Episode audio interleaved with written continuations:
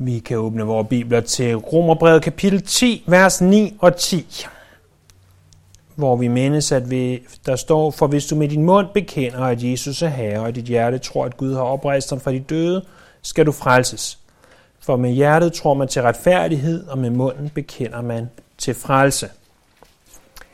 Jeg ved ikke, om du nogensinde har spekuleret over, eller undret dig over, hvordan det kan være, at vi som kirke øh, lægger så stor vægt på påskedag, altså søndag, påskesøndag, frem for langfredag. Fordi øh, langfredag er jo den dag, hvor Jesus han dør for os. Og det kan da godt være, at påskedag er langt mere positivt lavet, om du vil. Øh, men, men er det virkelig grund nok til at lægge vægten på påskedag frem for langfredag? Langfredag er der, hvor det hele blev fuldbragt. Så, så hvorfor vægten på påskedag? Øh, vi siger, at i dag er påskedag. Øh, måske vi også, i hvert fald her i landet, fejrer langfredag til en eller anden grad, men, men slet ikke på samme måde, som vi fejrer påskedag. Hvor, hvorfor er det sådan? Det er fordi, at i påskedagen, der opsummeres både hans liv, hans lidelser og, og hans sejr på korset. Det, det opsummerer opstandelsen, alt det her. Peter siger, livets fyrste dræbte I, men Gud oprejste ham fra de døde. Det er vi vidner om. Jesus er livets fyrste, og selvom folket forsøgte at dræbe ham, så blev han oprejst igen.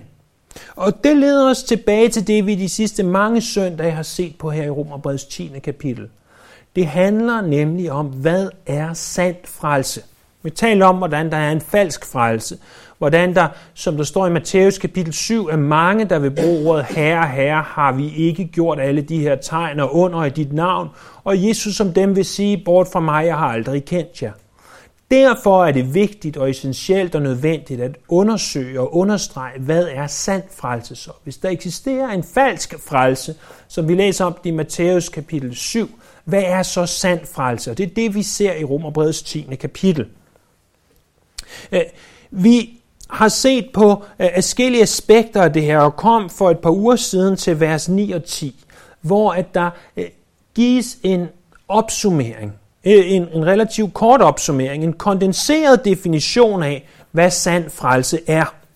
Øh, at øh, to ting er nødvendige i et menneske, for at han eller hun i sandhed er frelst. De to ting, det er, at personen må bekende Jesus som Herre.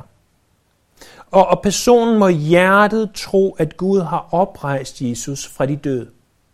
En bekendelse af Jesus som Herre, som vi har set på de sidste to søndage, der for det første betyder, at Jesus er sandt menneske.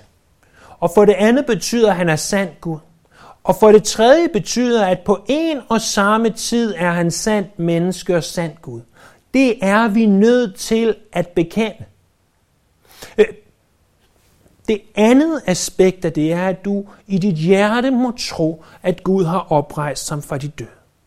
Og det er det, vi kommer til i dag. Det her andet aspekt. Hvad vil det sige, at vi i vores hjerte tror, at Gud har oprejst ham fra de døde? Og derfor vil vi i dag se på det evigt populære emne, opstandelsen. Jeg vil gerne vise jer tre ting om opstandelsen.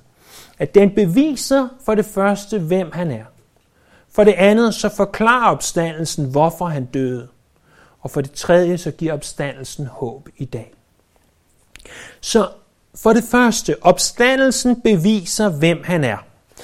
Paulus skriver her til menigheden i Rom, at den, som i sit hjerte tror, at Gud har oprejst ham fra de døde. Hvad vil det sige at tro i sit hjerte? Vi vender mere tilbage til det næste gang også, men, men opsummeret, det at tro i hjertet, det er noget, som fylder hele dit liv. Noget, noget som konsumerer dig, noget som, som optager dig, noget som er øh, bogsta- øh, essentielt og vigtigt for dig. Det vi tror på er en bogstavelig og en fysisk opstandelse. Og det er helt fundamentalt i den kristne tro at tro på en bogstavelig og fysisk opstandelse. Paulus han gør det egentlig øh, senere i 1. Korintherbrev, kapitel 15, ganske klart. Prøv at lytte. Vers 3-9 af 1. Korintherbrev 15. Øh, jeg overleverede nemlig først og fremmest, hvad jeg også selv har modtaget, at Kristus døde for vores sønder efter skrifterne, at han blev begravet og opstod på den tredje dag efter skrifterne, og han blev set af Kefas og dernæst af de 12. Dernæst blev han set af over 500 brødre på en gang. De fleste af dem er endnu i live, men nogen er såret hen, det vi vil kalde døde. Dernæst blev han set af Jakob, siden af alle apostlene, men sidst af alle blev han også set af en misfoster som mig, for jeg er den ringeste af apostlene, ikke værdig til at kaldes apostel, fordi jeg har forfulgt Guds kirke. Så han, han kommer og argumenterer senere for, at hvis Jesus ikke er opstået, så er vi de ringeste, de mest øh, nederdrægtige af alle mennesker. Men han er opstået, siger han. Så, så hvorfor er det vigtigt? Jamen, opstandelsen beviser, hvem han er. Nu ved jeg godt, at vi skal passe alvorligt på med at bruge Wikipedia som kilde til noget som helst. Men det, som jeg tænker, Wikipedia kan, hvis du ikke ved, hvad Wikipedia er, så er det jo det her online leksikon, som alle, der, der vil, de kan skrive videre på. Og det er jo sådan set spændende nok i sig selv. Men det, som Wikipedia kan, det kan pege en i en retning af information om noget.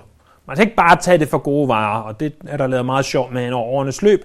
Men jeg googlede, at øh, hvem, har, hvem har påstået at være messias i årenes løb? Og, og Wikipedia gav øh, omkring 50 navne, både af jødisk, kristen og muslimsk oprindelse. Det første på listen var naturligvis Jesus, øh, som jo i Wikipedias øjne, øh, måske dem, der har skrevet artiklen, påstår at være messias. Øh, og jeg har jo ikke nogen mulighed for øh, at tjekke alle de her 50 navne, ej heller tiden eller interessen i det. Så det jeg gjorde, var, at jeg tog to stikprøver. Det er jo sådan noget, revisorer de kan. De kan tage stikprøver. Den ene, og det betyder ikke, at alle navnene var rigtige i det her tilfælde.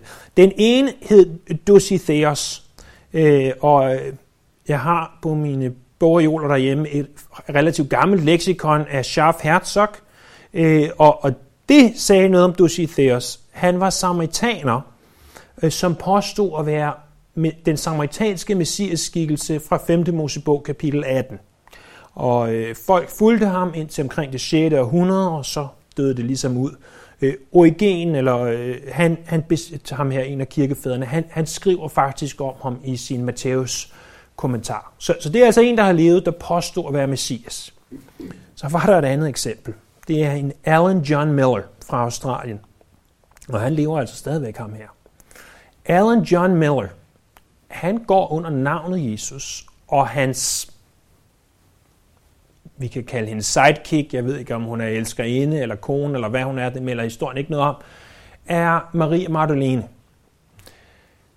Og det var det, Wikipedia sagde, så til, ah, det er der vel næppe nogen, der påstår. Så fandt jeg deres hjemmeside. Og lige til at starte med, kunne man ikke se andet end den hed et eller andet Divine Truth, eller et eller andet, og øh, man kunne godt se, at det var noget New Age-agtigt noget, men, men ikke nødvendigvis, hvad det gik ud på. Så fandt jeg frem til nogle YouTube-videoer, hvor hende her Maria Magdalene såkaldt interviewer den her Jesus. Og, og det her spørgsmål gik på, øh, hvem prioriterer du at bruge din tid sammen med? Hvor til manden svarer, Øh, jeg gider i hvert fald ikke at bruge tid sammen med nogen, der ikke tror på, at jeg er Jesus. Så slukkede jeg, så behøver jeg ikke høre mere. Øhm, det, det er jo, det er jo øh, øh fuldstændig tåbeligt. Øh, men hvad gør sig gældende for både Dositheus eller, og ham her, den såkaldte Alan John Miller, eller Jesus, han kaldes også for AJ, det kan jeg bedre lige at kalde ham.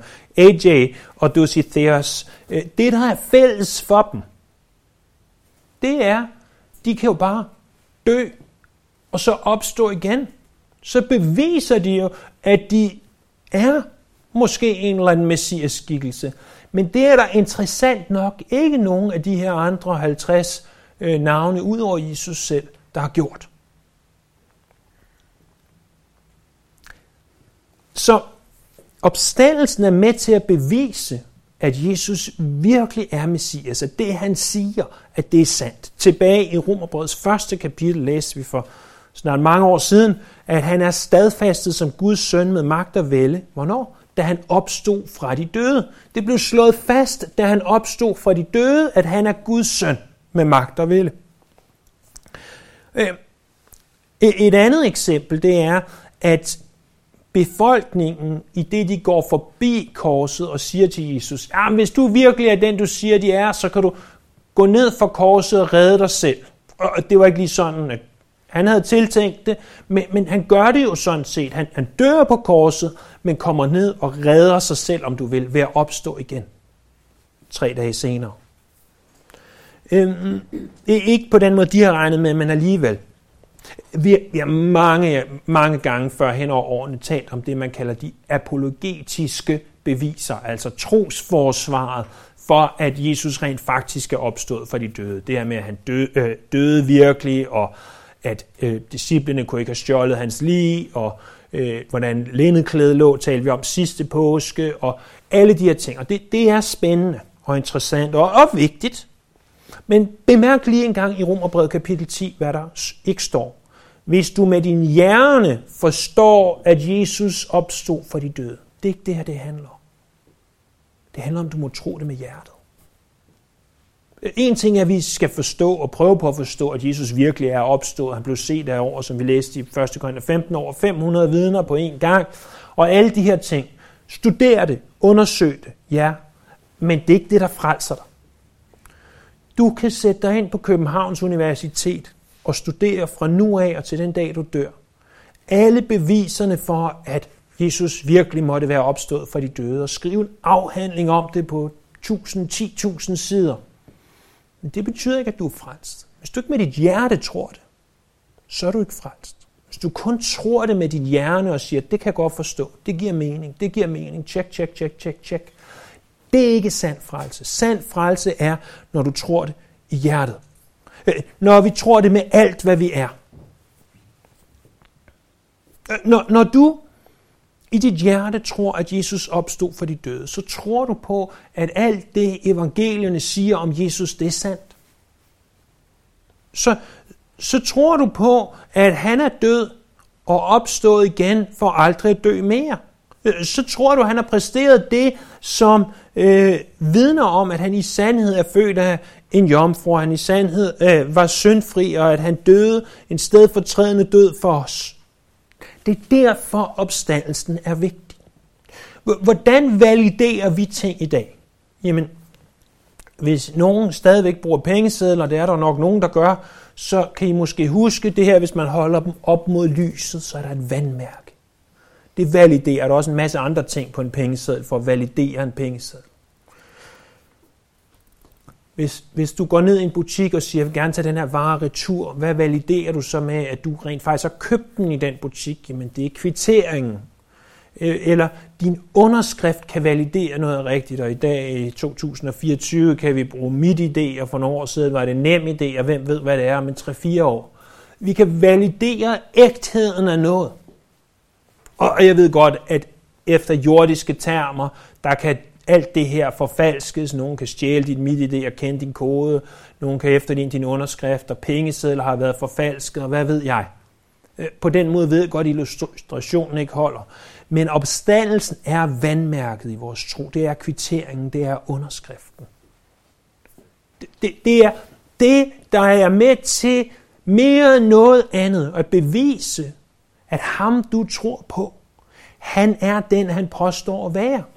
Han er sandt menneske. Han er sandt Gud. Han er Guds menneske. Han har dø, øh, øh, død en stedfortrædende død. Han er opstået igen.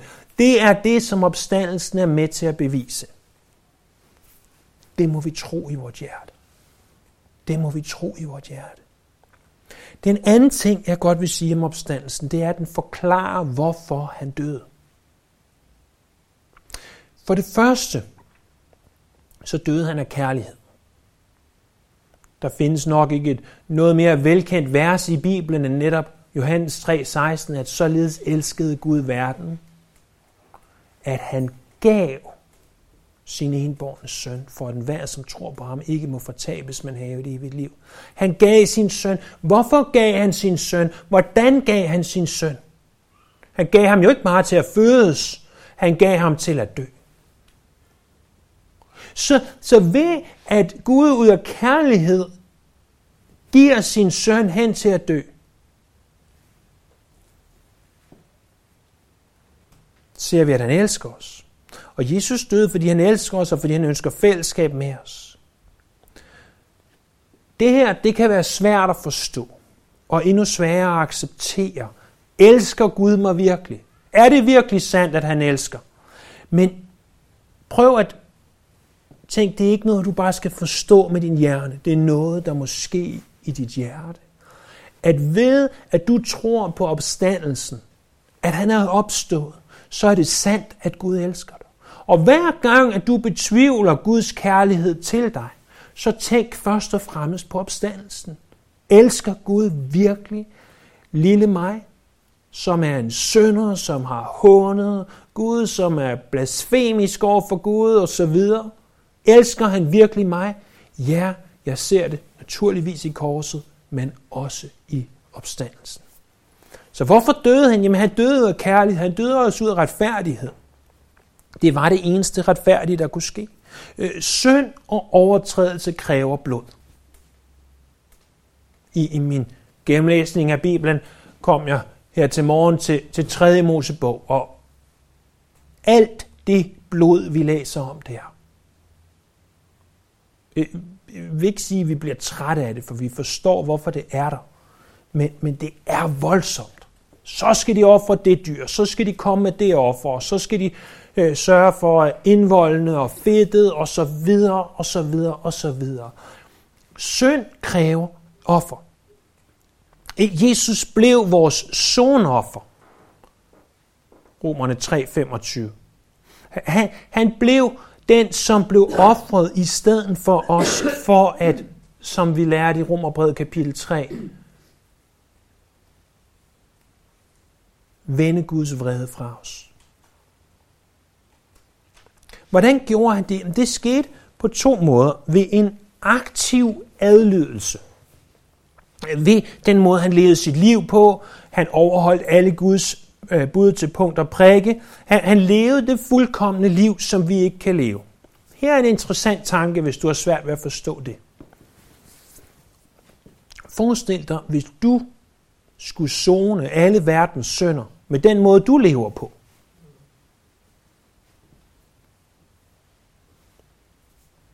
Med at du måske har sagt noget grimt til din ægtefælle i dag. Eller øh, du måske har kørt for hurtigt. E- eller du måske har tænkt en tanke, som var syndig og dvælet ved tanken. Vil du kunne zone alle verdens synder? Vel kunne vi ej. Det ved vi godt. Men det kunne Jesus, for han levede i det, som teologerne kalder aktiv adlydelse. Men han døde også det, som de kalder en passiv død. Der var lidelser igennem hele hans liv. Øh, øh, Esajas 53.3 siger profetisk, at han var en lidelsernes mand. Matthæus 26.38 øh, siger Jesus, min sjæl er fortvivlet til døden, og han beder øh, disciplene om, bliv her våg sammen med mig. Øh, Jesus var fuldstændig og aldeles hellig, og han havde synd. Naturligvis gjorde han det. Og alligevel så blev han synd for os, for at vi kan blive Guds retfærdighed i ham.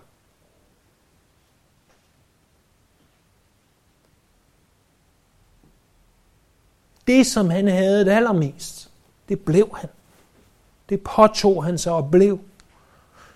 Så han blev forbandet på korset, så at vi ikke behøver at blive det.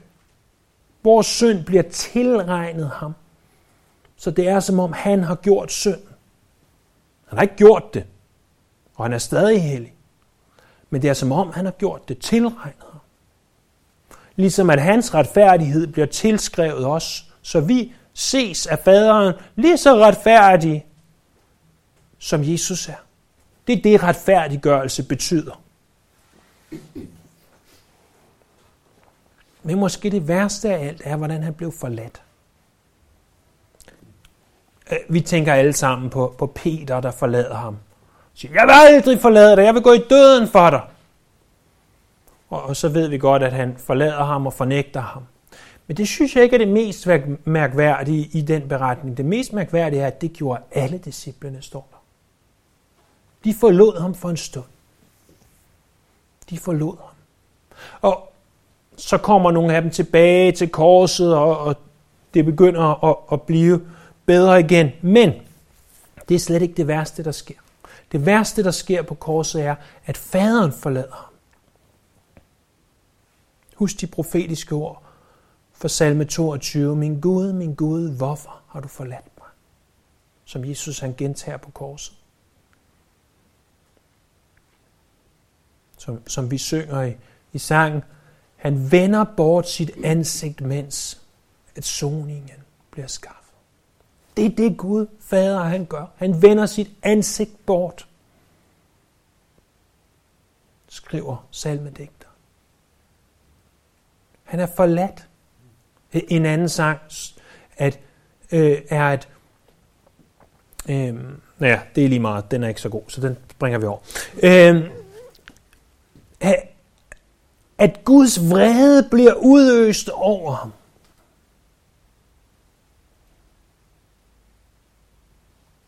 Guds vrede bliver udøst over ham. Når du er i tvivl om, dine sønder virkelig i sandhed er betalt for.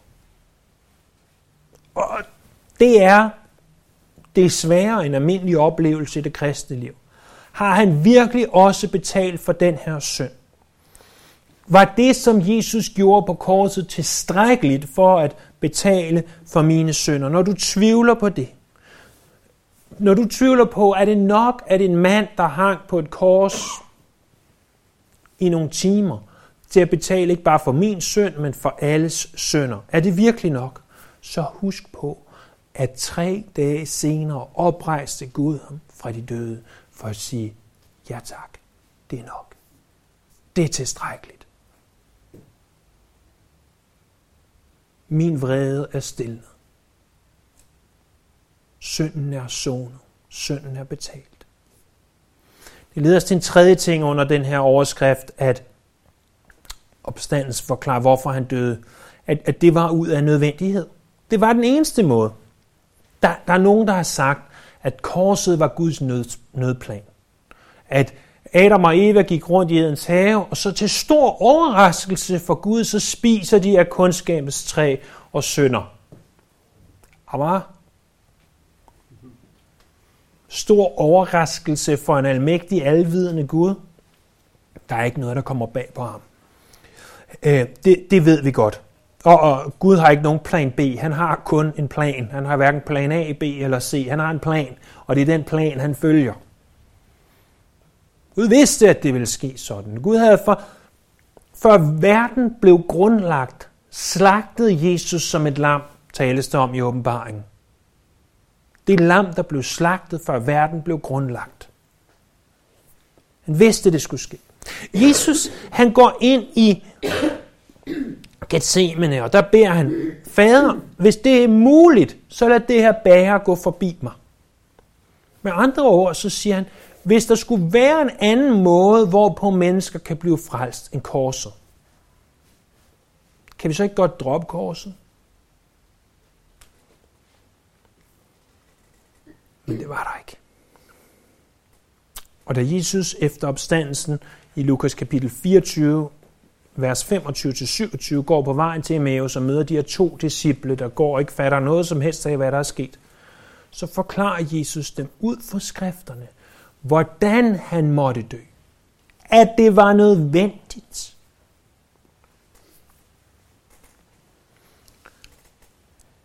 Prøv også at høre de her skriftsteder. Matthæus 26, 53. Eller tror du ikke, jeg kan bede min fader om på stedet at give mig mere end 12 legioner af engle til hjælp? Det er mange. Mange tusinde engle. Jesus kunne have bedt om tusindvis af engle til hjælp, og vi ved, at en engel på en nat slog hvad? 186.000 syre ihjel, så du kan gange cirka det tal med de der 12 legioner. Det er rigtig mange. Det er flere, end jeg lige kan regne til i mit hoved i hvert fald. Det kunne Jesus have bedt om, hvis det ikke havde været planen, at han skulle dø. Lukas kapitel 9, vers 51. Da tiden var inde til, at Jesus skulle optages til himlen, hvad gjorde han så? Så står der måske, at han løb ned i et hul og gemte sig og sagde, uh, jeg vil ikke. Nej, nej. Så vendte han sig mod Jerusalem, står der. For, som målet for sin rejse. målet. Han vidste, at han skulle til Jerusalem for at dø, for en profet kan kun dø i Jerusalem. Markus kapitel 10, vers 45. End ikke menneskesønnen er kommet for at lade sig tjene, men for selv at tjene og give sit liv som en løsesum for mange. Det er altså før han dør, at han siger om sig selv, jeg giver mit liv som en løsesum for de mange. Og i Johannes kapitel 19, vers 30, der står der, da han havde fået eddiken, sagde han, det er fuldbragt. Og så bøjede han hovedet og opgaven. Det er ikke en nødplan. Det, det, er ikke, det er ikke noget, som Gud fandt på efter, at Adam og Eva syndede. Det var hele tiden planen. Det var en nødvendighed, han måtte dø. Der var ikke andre måder. Jeg, jeg ved ikke, om du får den her tanke. Jeg ved, at, at børn ofte får den her tanke. Hvor er det forfærdeligt, at Jesus må dø på korset. Og, og det er også forfærdeligt. Det er uhyggeligt, og det er trist, og det vidner om, hvor forfærdelig synd er. Men husk på, at opstandelsen beviser, at hans død på korset var nødvendig. Der var ikke andre måder. Og han døde af kærlighed og retfærdighed og nødvendighed. Han døde for at zone dine og mine sønder. Han døde for, at han måtte opstå igen og leve evindeligt. Det var to ting. Hvad er så den tredje? Den tredje er, at opstandelsen giver os håb i dag. For det første giver den os håb for frelse fra vores sønder. Inden Jesus bliver født, der bliver det profeteret om ham, at hun, altså Maria, skal føde en søn og give ham navnet Jesus. Hvorfor? Hvorfor skulle han hedde Jesus? Fordi han skulle frelse sit folk for sine sønder og for deres sønder. Øh, Jesus han kom for at frelse. Han kom for at udvælge sig et folk, som måtte modtage hans tilgivelse for deres sønder. Opstandelsen giver dig håb, fordi du ved, at der er frelse for din synd. Du kan vide, at du er tilgivet af Gud. Du kan vide, at han ønsker at sætte dig fri. Og men det er en livslang proces at blive fri af synden, så har han allerede betalt for den. Det giver dig også håb i dag, fordi det giver dig frelse, ikke bare for dine sønder, men fra djævlen. Djævlen, Guds ultimative modstander, der hader Gud, der hader alt, der har med Gud at gøre. Han er en løgner, han er en anklager. Han har øh, fra tidens begyndelse kæmpet imod Gud. Og, og han har gjort, hvad han kunne for at spolere Guds fuldkommende værk. Men han er besejret. I 1. Johannes 3:8, den der gør synden er af djævlen, for djævlen har syndet fra begyndelsen. Derfor blev Guds søn åbenbaret, for at tilintetgøre djævelens gerninger. Og Hebræerbrevet kapitel 2, vers 14. Siden børnene alle er kød og blod, måtte han blive ligesom de. For at han med sin død skulle gøre ham magtesløs, som har dødens magt, nemlig djævlen. Og, og til trods for, øh, for os ukendte årsager, at djævlen stadig går rundt som en brølende løve, så er han en besejret løve. Jesus har overvundet på korset. Den ultimative sejr tilhører vores Gud. Vi har, som det er sagt så mange gange før, læst den sidste side i bogen. Vi ved, hvordan historien, og med det mener jeg verdenshistorien, ender. Vi ved, at djævlen er underlagt Gud. Vi ved, at djævlen en dag ultimativt vil blive spærret inde for tid og evighed, og aldrig kunne påvirke os igen. Vi ved, at sejren er på vores side. Opstandelsen giver os også håb for frelse for døden. Prøv at høre fra 1. Korinther kapitel 15, det samme kapitel, vi læste fra i begyndelsen. Men her, de slutlige vers, vers 54 til 57. 1. Korintherbrev kapitel 15, vers 54. Og når dette forgængelige har iklædt sig uforgængelighed, og dette dødelige iklædt sig udødelighed, der vil det ord, der er skrevet, være opfyldt. Døden er opslugt og besejret. Død, hvor er din sejr? Død, hvor er din brød? Dødens brød er synden, og syndens kraft er loven. Men Gud skal tak, som giver os sejren ved vor Herre, Jesus Kristus. Og når du har en kær, som dør i Herren, altså som kristen, så ved vi, at døden ikke har besejret den her person. Men at døden er besejret ved opstandelsen. Og vi ved også, at en dag vil den her person opstå igen for at modtage sit opstandelseslæme. Og så giver opstandelsen for det fjerde og sidste også håb for et liv med Gud. Øh, hvis Jesus ikke havde været død og opstået igen, så ville du og jeg ikke have nogen chance for et liv med Gud.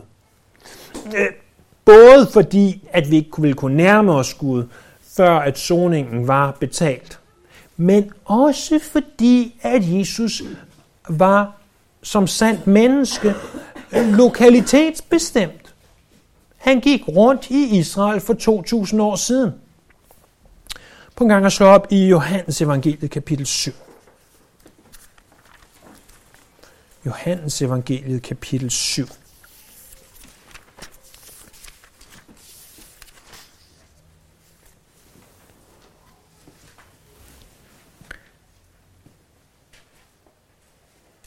Vers 37. På festens sidste og største dag stod Jesus frem og råbte, Den, der tørster, skal komme til mig og drikke. Den, der tror på mig, skal det gå, som skriften siger. Fra hans indre skal rende strømme af levende vand. Så prøv at lytte. Det sagde han om den ånd, som de, der troede på ham, skulle få, for ånden var endnu ikke, fordi Jesus var endnu, endnu ikke var herliggjort. Jesus var nødt til at opstå igen, for så at kunne blive herliggjort, for at ånden så kunne komme. Forstår jeg alt det? Nej. Men jeg forstår nok til, at hvis Jesus ikke havde været opstået og taget tilbage til himlen og sendt hjælperen, som han kalder ham, så er jeg ikke sikker på, at jeg vil have muligheden for fællesskab med Gud. Ved at Guds ånd er til stede her i dag. Og endnu mere, ved at Guds ånd ved den nye fødsel tager bolig i dig og mig. Derfor er opstandelsen så nødvendig. Så for at opsummere, opstandelsen er altså helt central for den kristne. For det første så beviser den, at alt det, han sagde og gjorde, og øh, at det er sandt. Og, og hvis du tvivler på, hvorvidt Jesus virkelig er Gud, hvorvidt han virkelig er den Messias, øh, det gamle testamente taler om, så husk på, at Gud oprejste ham fra de døde. For det andet så forklarer og beviser den, hvorfor han døde. At det var tilstrækkeligt. Og hvis du tvivler på, om Jesu død er tilstrækkelig, så tænk på, at han er opstået fra de døde. Men, men for det tredje, så giver opstandelsen også håb for livet med Gud i dag. Øh, for mange, der er livet med Gud en daglig udfordring. Men det behøver det ikke at være. Fordi vi har hans opstandelseskraft med os. I og med, at ånden er med os. Og den ånd, som oprejste Jesus fra de døde, bor i os. Det er mere end tilstrækkeligt til at leve det kristne liv.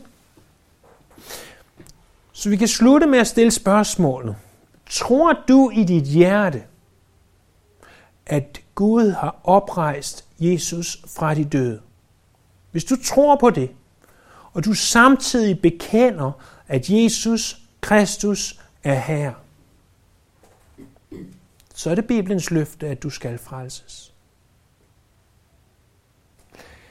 Næste gang vil vi se dybere på, hvad det vil sige at bekende Jesus som Herre. Og komme til en forståelse af, forhåbentlig, at det betyder, at det er ham, der bestemmer. At være herre betyder netop det, at han bestemmer. Men for nu lad os bede. og glædes over opstandelsen. Himmelske Far, skaber Gud. Vi kommer ind for dig nu. Vi takker, at du oprejste Jesus fra de døde, og han ikke blev i graven. Og at alt det, som opstandelsen giver os her, og sikkert meget mere end det, jeg har sagt på disse øh, få minutter her. Hjælp os til at forstå, hvorfor det her er vigtigt. Hjælp os til at tro i vores hjerter, at det er sandt. Det beder vi om. Til din ære og til din pris. Amen.